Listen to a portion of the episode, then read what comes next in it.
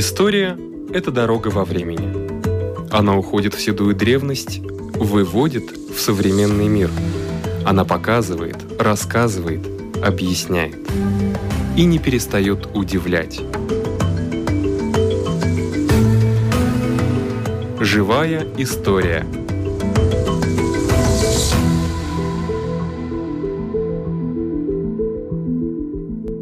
У микрофона Лидия Чера историк Мартинч Вестперис. И разговор зашел о том, что такое история и исторические документы? Как создается история? Может быть, так можем эту тему оформить? Историю кто создает? В принципе, создает человек – даже предметы, которые нас окружают, они интересны только тогда, когда о них начинают рассказывать. Когда, э, или на, там, например, на старом буфете с другой стороны что-то написано, там Ольга плюс Павел, любовь. И тогда вот начинают спрашивать, что это за Ольга, что это за Павел. Или э, там зеркало, которое уже ничего не показывает. Просто написано, например, ваша фамилия Чера. Ну что это такое Чера? Ну или, например, моя фамилия. И когда мы начинаем изучать, сразу наша фамилия как бы оживает. И сразу оживает и наша история. И не только наша, но история нашей семьи, история нашей деревни, история нашего округа, уезда и до, до того, как нашей страны и нашего мира, в котором мы живем и в котором э, жили наши предки и будут жить наши потомки. Есть ли такой пример у вас, вот как у историка в вашей жизни? Был какой-то пример, что вы смогли найти вот предмет и историю этого предмета или объекта какого-то. Да, есть. Но здесь надо немножко сказать э, еще э, одно.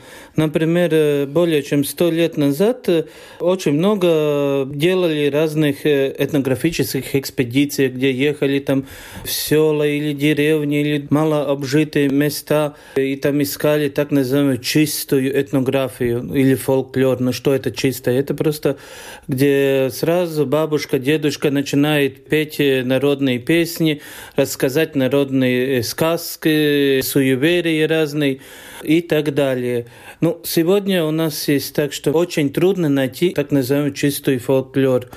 В принципе, сегодня, когда мы идем к человеку, мы сначала э, его спрашиваем о его пережитом, ну не скажем о прожитой жизни, потому что человек еще живой, но о том, что он пережил, что он думает о том, что он увидел, узнал, услышал. И таким образом мы начинаем коснуться места, где мы его интервьюируем. Почему он живет вот этой доме или в этой деревне? Откуда вот такое название? Если, например, у вас там рядом какое-то интересное название. И он начинает рассказывать, потому что сейчас есть так, что если ты человеку не задашь вопроса, он не ответит, потому что он это не считает как э, чем-то важным, что это может нас заинтересовать. И здесь это различие, что очень много у нас, например, латышей собрано много, более чем миллиона таутас dziesmas. Также очень много тысячами сказок, также там э, некоторые там легенды и много и другое. В то же время очень мало собрано рассказов о месте, где человек живет. Например, начало 2000-х годов я был в собственной экспедиции в деревне, где вырос мой дед, недалеко от Павелосты, небольшая деревня Салена. И в этой местности есть руины усадьбы, руины церкви, руины руины трактира, мельниц. Это было большое жилое место, где жило около 500 людей. Сегодня там живет 25 людей. Там есть такое кладбище, которое называется Сарканвалкс как красный овраг. Почему он такой красный? Ну, реально там э, течет э, небольшой ручей, рядом с которым земля красная. Но есть такой, там рассказы начинали, что вот 300 лет назад, когда шла война с шведами, с поляками, там были настолько жестокие бои, и вся земля стала красной. И с тех пор на том месте и есть этот э, ручей красный. Мы можем думать, ну да, так и есть, Но интересно, что в 60-х годах, что мне местные рассказали, делая траншею, мелиорации, были найдены скелеты солдат. Как они говорят, там даже пуговицы сохранились. Значит, есть какая-то правда этим рассказам. Также в той же самой деревне есть рассказ о очень таком жестоком бароне, барон Мирбах, который очень жестоко обходился своими слугами и крестьянами.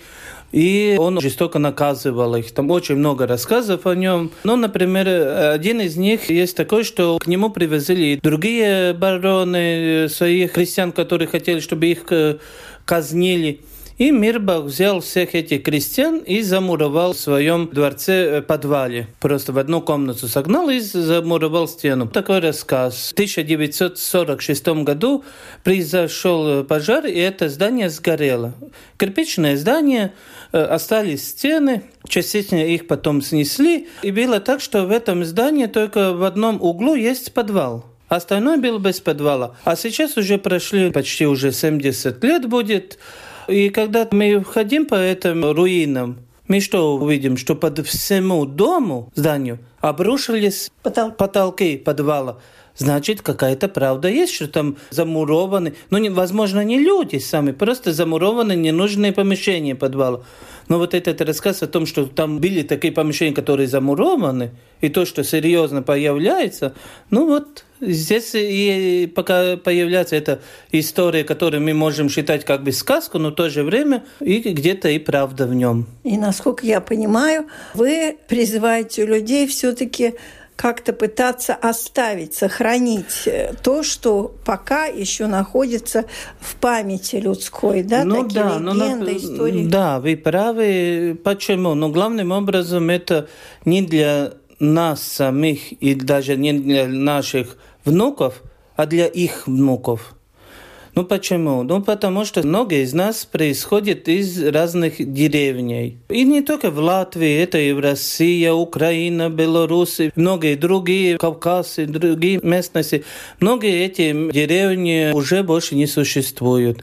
Например, на Волге есть очень много этих водоемов, созданных на Днепре, и сотнями деревни подошли по воду, и фактически от них не осталось даже названия не говоря уже там о каких-то зданиях. Сразу вспоминается наш Стабуракс. Ну да, наш Стабуракс. Не надо даже много далеко искать. Вот эти рассказы, если ты, например, помнишь, что тебе там бабушка рассказывала, и ты записываешь о людях, которые жили в деревне. Я думаю, что в каждой деревне был свой Иванушка-дурачок или какая-то там э, баба-змея, или какой-то лесой, леший, или что-то еще, и, может, и русалки были. Почему их не записать свои, просто тетрадку?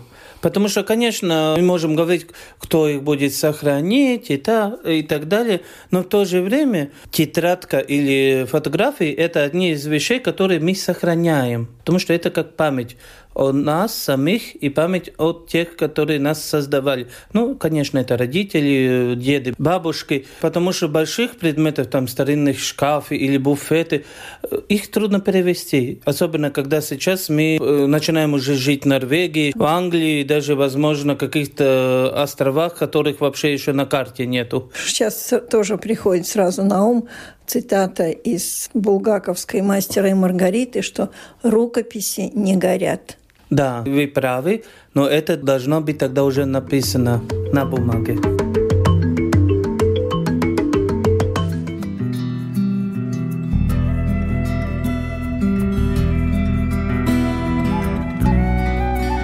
Когда поля убраны, урожай сложен в закрома, полки подвалов заполнены, наступает «велю лайкс».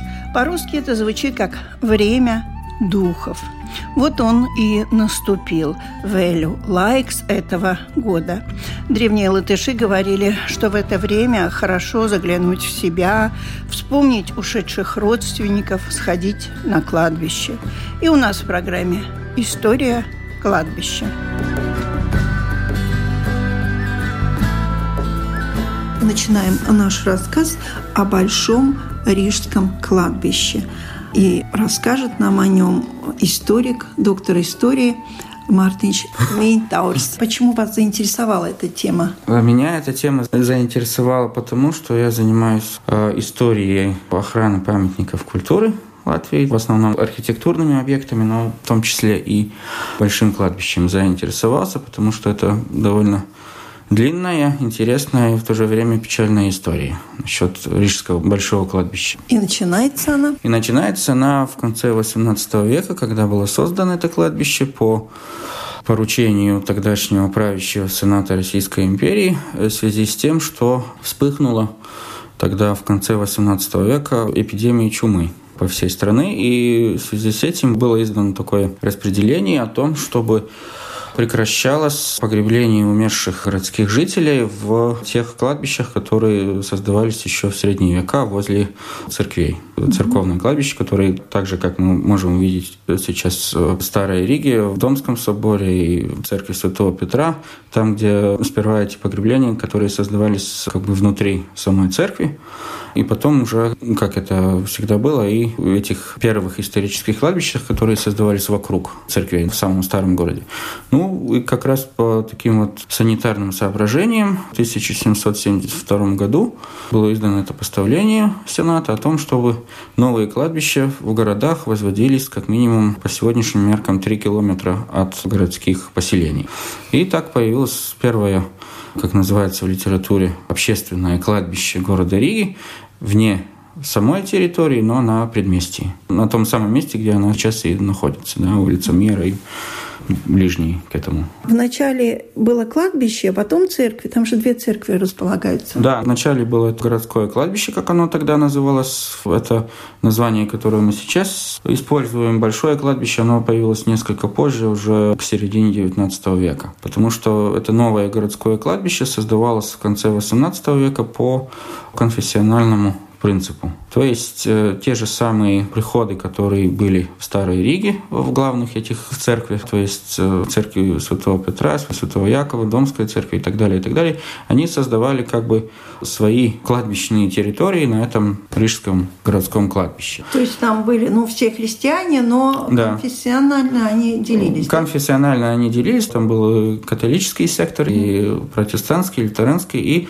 Покровское кладбище тоже создавалось вместе с теперешним Большим в том же самом конце XVIII века. Но сейчас там ничего не осталось. Какая-то стенка была да. сделана специально с фамилиями какими-то. Да, стенка была сделана. Это уже относится истории к э, советскому периоду, потому что большое кладбище было закрыто для погребления в конце 50-х годов постановлению тогдашнего исполкома городского. И предусмотрелось, что городское кладбище придется закрыть. Уже об этом говорили в начале 20 века. Говорили и архитекторы, и главный садовник города Риги тогдашний о том, что рано или поздно придется это кладбище закрыть, потому что город развивался и территории постепенно застраивались зданиями. Ясно было, что кладбище имеет какую-то определенную территорию, дальше которая не пойдет. В принципе, эта идея, что надо создать исторический мемориальный парк на территории Большого кладбища появилась уже в начале 20 века. И тогда первые такие эксперименты были э, сделаны уже в московском Форштате, где появился так называемый сад Мера, тоже на месте бывшего кладбища. Но это появилось уже в конце 19 века, в начале 20 То есть сама идея как бы довольно безобидная была о том, что если кладбище придется закрывать, то надо там сделать просто парк. Но то, что произошло в советское время, оно, конечно, сильно отличалось от тех идей, которые были выдвинуты в начале 20 века, потому что после того, как 50-е годы это большое кладбище было закрыто, там начался вандализм. Варварский вандализм, да, и эти памятники похищались попросту. И нередки были случаи, когда памятники из погреблений, у которых не осталось у этих умерших жителей уже никаких потомков, которые бы могли посещать эти погребления и там присматривать за ними, то попросту эти памятники разбирались и даже использовались для создания новых памятников в другом месте. Да. Я помню, там эти каплицы были в да. ужасном состоянии. Ну, да. Там гробы были. И... Вандализм, о котором даже сегодня как-то не не то, что не принято, но неловко говорить. И а, то, что случилось с Большим кладбищем в советское время, это очень большая трагедия, потому что это был мемориал или пантеон. Ну, в принципе, там вся рижская история с конца XVIII века И то, что вы сказали об этих э, склепах, и mm-hmm. все это тоже, ну, как бы памятник мемориального искусства, конечно. И в то же время, ну, то, что пытались сделать в советские годы, там уже в 60-е годы была сдвинута первая концепция о создании мемориального парка на территории Большого кладбища, и как раз в связи с этой концепцией появилась эта так называемая мемориальная стена, в которую решили собрать те памятники, которые были признаны наиболее ценными с исторической точки зрения или художественной. Ну, там были в основном доски. Там были в основном нагробные плиты со всеми фамилиями, надписями и так далее, и так далее. Были еще и также и небольшие такие скульптурные изделия, там памятные урны, что-то такое. Но, в принципе, это было уже поздно, вы сказали, что это вся рижская история. Да. Как вы считаете, сохранилось хоть что-то из того наследия, которое сейчас уже затоптано ногами? Там, конечно, кое-что сохранилось на месте, сохранились некоторые погребления исторические. Это сейчас да. сохранилось. А вот да. из того, что было раньше, можно как-то установить, что там было? Кто-то успел это сделать? Это успели сделать э, частично. Еще в 70-е годы, когда шли мероприятия по составлению э, списка этих памятников, которые тогда там были, Значит, в 75-м, да, 76-м году, тогдашняя это инспекция охраны памятников города Риги этим занималась. И э, кое-какие сведения документальные сохранились, и сегодня в Государственной инспекции по охране памятников в Риге, в трех братьях, которые находятся. Какое-то представление есть, там есть даже картотека памятников, которые были еще зафиксированы на месте в советское время, да, с фотографиями, с такими вот учетными карточками, и там несколько сотен объектов. Но, в принципе, сегодня уже невозможно установить первоначальное число памятников и всех объектов мемориальных, которые там находились, потому что попросту до этой середины 70-х э, годов, когда началось там систематическое опознание всех этих объектов, составление списка, до того уже кое-что пропало, как говорится.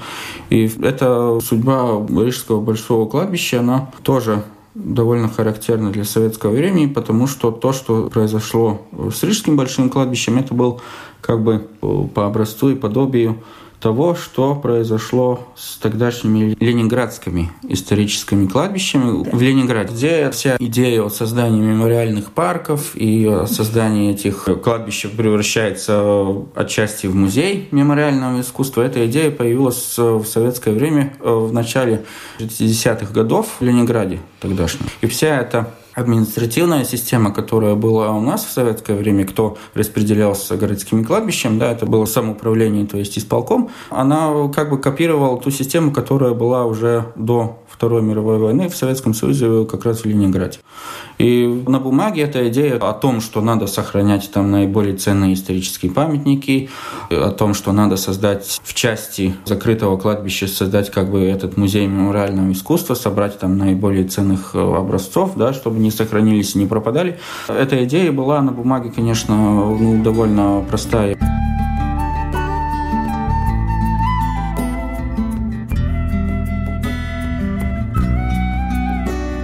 У нас в Латвии четыре музея Райниса.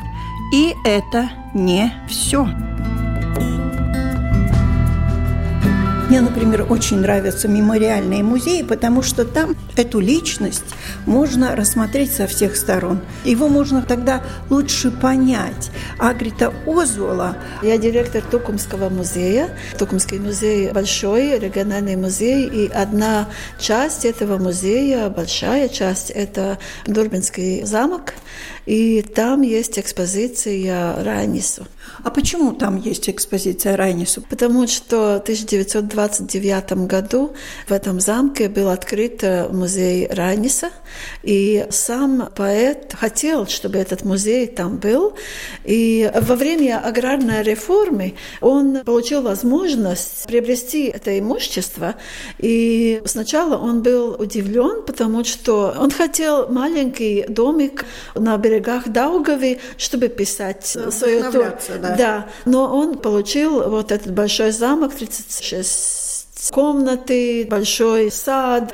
И он решил после всяким перипетиям политическим, экономическим и так далее, он решил подарить этот замок Союзу учителей Латвии, чтобы там был открыт дом отдыха для учителей и их детям, музей Раниса и квартира ему и Аспазию с тремя комнатами. И он там когда-то жил тоже? Или только распорядился? А, он посещал Дурби. Я как-то подсчитала, что около 10 ночи он там проводил, но он там не жил. Но это было запланировано, и даже информация была в газетах, что Райнис и Аспазия 18 июля 1929 года переезжает в Дурбе, чтобы там поселиться и жить.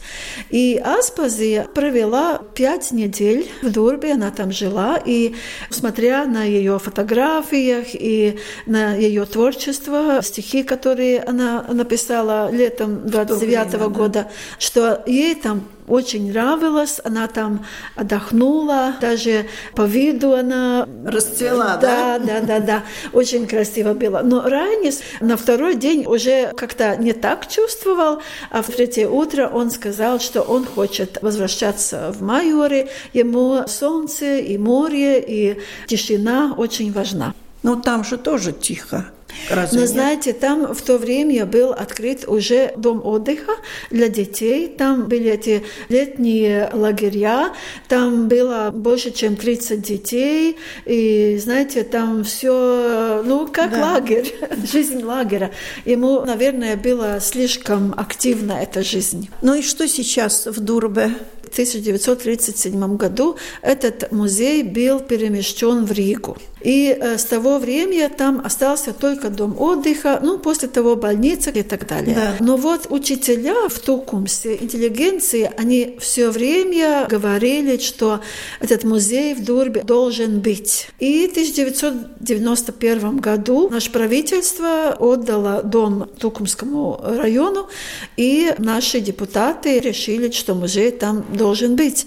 И мы начинали реставрацию и так далее. Но, знаете, посетители, когда они приезжают, будь они латыши или русскоязычные или другие, они все спрашивают, а где комната Райниса? А где у вас Райнис? Ну и вот мы решили, что мы должны сделать вот такую комнату, экспозицию, связанную с Райнисом и Аспазией, но мы ее посвятили не Райнису как личностью, но музею Райниса в Дурбе. И нам с помощью коллег коллегам из Ассоциации мемориальных музеев и музея rakstniecības, музыкас музея. Да, литературы и музыки. Да, они помогли, и мы могли выставить и мебель, и разные мемориальные предметы. И даже моя коллега Инна Лина, искусствовед, она нашла первую концепцию первого музея Райниса – в Национальной библиотеке. И мы вот рассказываем этот рассказ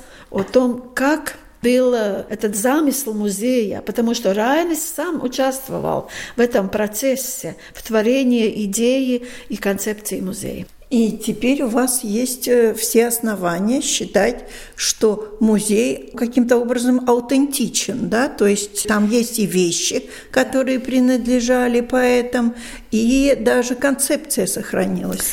Да, в каком-то мере это часть Дурбинского замка, в каком-то мере мемориальный, потому что эти предметы, например, мебель Райниса была изготовлена специально для Райниса. И эта мебель не нужна другим музеям Райниса, потому что они сделаны для Дурбе. И они такие очень современные 20-х годов. И они как-то показывают, что Райнис был необычным личностью. В каком-то мере мебель отражает. отражает его, может быть, личность в каком-то мере, эту современность движения. Uh-huh. Это. И в то же время это не роскошная, она очень такая функциональная, практичная, практичная да. да. И там есть и две такие шкафчики, которые из комнаты Аспазии. Это другой рассказ, более романтичный такой. Райнис был высоким? Ну да, для того времени, можно сказать, да, высоким. Даже эта мебель, которая была изготовлена, была немножко в других пропорциях, чтобы Ранису было удобно сидеть. И такой специальный заказ. У вас э, есть какие-то проекты, планы? Э, да, мы очень много работаем с школьниками. У нас есть э, такие программы под названием «Путешествие во времени». И теперь в этот момент очень популярно путешествие во времени на 1919 год. В то время, вот когда начало Латвии, когда надо многое научиться людям, и мы ученикам предлагаем костюмы, и такие практические активные занятия, как было, когда в Дурбе был госпиталь, как первую помощь медицинскую оказывать, и разные практические. И, знаете, очень много уже русскоязычные школы, группы приезжают к нам, и наши гиды делают хорошие экскурсии, и детям очень нравится. Ну, прекрасно. Тут же Райнис, тут же и 1912 год. Вообще-то все всегда сравнивают с 1913 годом, потому что это был год большого изобилия. Да, и в Дурбе наша экспозиция первого этажа – это сделано так, как жили люди до Первой мировой Первой войны. Мировой, да. И там все можно увидеть. И официальные комнаты, где кабинеты, библиотека и так далее. И вот эти интимные комнаты, как спальная, как, э, как ванная, как детская комната и так далее, и другие. Так что можно и вот сравнивать в каком-то мере, как была жизнь до войны, и во втором этаже, где вот эти выставки, там и увидеть, что творилось, как это было очень комплексно, что люди не всегда поняли, что произойдет вообще в жизни. И мы вот делаем такие акценты да. на разные люди, на разные группы, разные жизни и э, занятия, занятия да, чтобы как-то легче и ученикам, которые историю не всегда понимают, как-то легче понять, что это была жизнь, когда каждому надо было осознать, что он будет делать, как он будет жить, чем заняться, как свое будущее строить и как государство строить тоже. Spasiba muzeja Tukuma Agrita Ozola.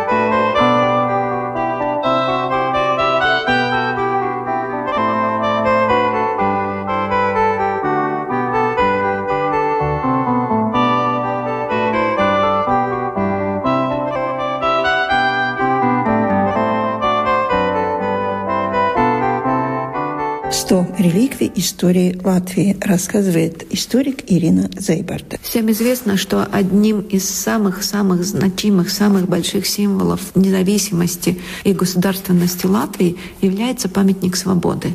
Если мы говорим памятник свободы, то всем ясно, о чем мы говорим, вне зависимости от того, где мы находимся. Но одна из ста реликвий, которые мы выбрали, конечно, не памятник, но вещь, которая очень-очень точно относится непосредственно к этому памятнику.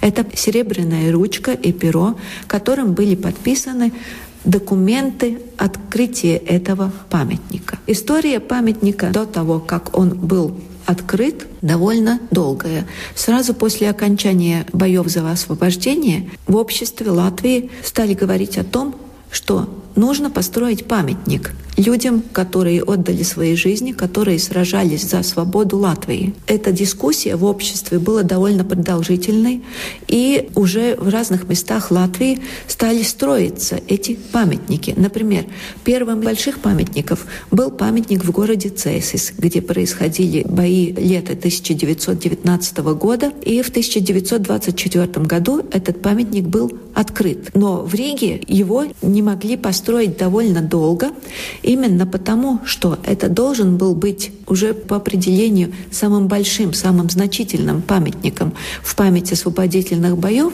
И поэтому было ясно, что, во-первых, нужен конкурс – для того, чтобы этот памятник был действительно символом свободы и независимости, а во-вторых, если это такой значительный памятник, то он обязательно будет стоить дорого. И поэтому было ясно, что эти формальности нужно привести в порядок. Во-первых, было несколько конкурсов по предложению, каким должен быть этот памятник. И в конце концов, в последнем из этих конкурсов победил, как вам уже известно, скульптор Карлос Зала со своим предложением памятника. И когда он уже был готов работать, Тогда был создан специальный комитет по созданию памятника свободы, так он и назывался, Брīvības пieminekļa komiteja. И этот комитет возглавил президент. Сначала это был Густав Земгалс, потом, конечно, Альбертс Квесис. И под руководством президента этот комитет начал собирать пожертвования. Были изданы специальные знаки пожертвования, которые, э, пожертвовав 1, 5, 100, 20 или 100 латов, человек получал, когда делал свой взнос, свое пожертвование в счет памятника. И особые знаки были созданы, знаки пожертвования для детей и школьников. 20 и 50 сантимов сколько каждый мог пожертвовать на этот памятник. В общем, на строительство памятника ушло около двух с половиной миллионов лат. Но собрали еще больше, этих пожертвований, а остаток, который не был использован на строительство памятника свободы, использовали на устройство э, братского кладбища, тут же в Риге, тоже проекта Карлиса Зала. В 1931 году на годовщину провозглашения государства 18 ноября был заложен фундамент этого памятника. Это было торжественная церемония, и после этой церемонии строительство памятника продолжалось целых четыре года. И, наконец, 18 ноября 1935 года памятник был торжественно открыт. И, как вы знаете, традиция, когда закладывается или фундамент, или когда открывается какое-нибудь значительное здание или мемориал, тогда обязательно подписываются документы, которые вкладываются в капсулу или закапываются, или замуровываются, так сказать, для будущих поколений. Так произошло и в этом случае, и э, были подписаны особые торжественные документы в честь открытия памятника свободы. Их, конечно, подписал президент Алберт Квесис, тогдашний президент Латвии. И вот это перо и эта ручка сохранились. Их сохранила семья сотрудника президента секретариата Ото Лапинша и передала их потом в музей.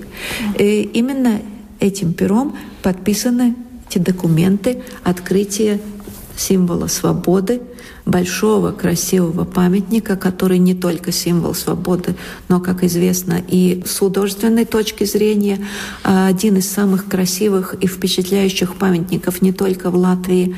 И как памятник символ свободы, так мы считаем, что и это перо является неотъемлемой частью этого символа свободы хоть и маленьким. У микрофона была историк Ирина Зейберте. На этом наша программа заканчивается. Всего вам доброго.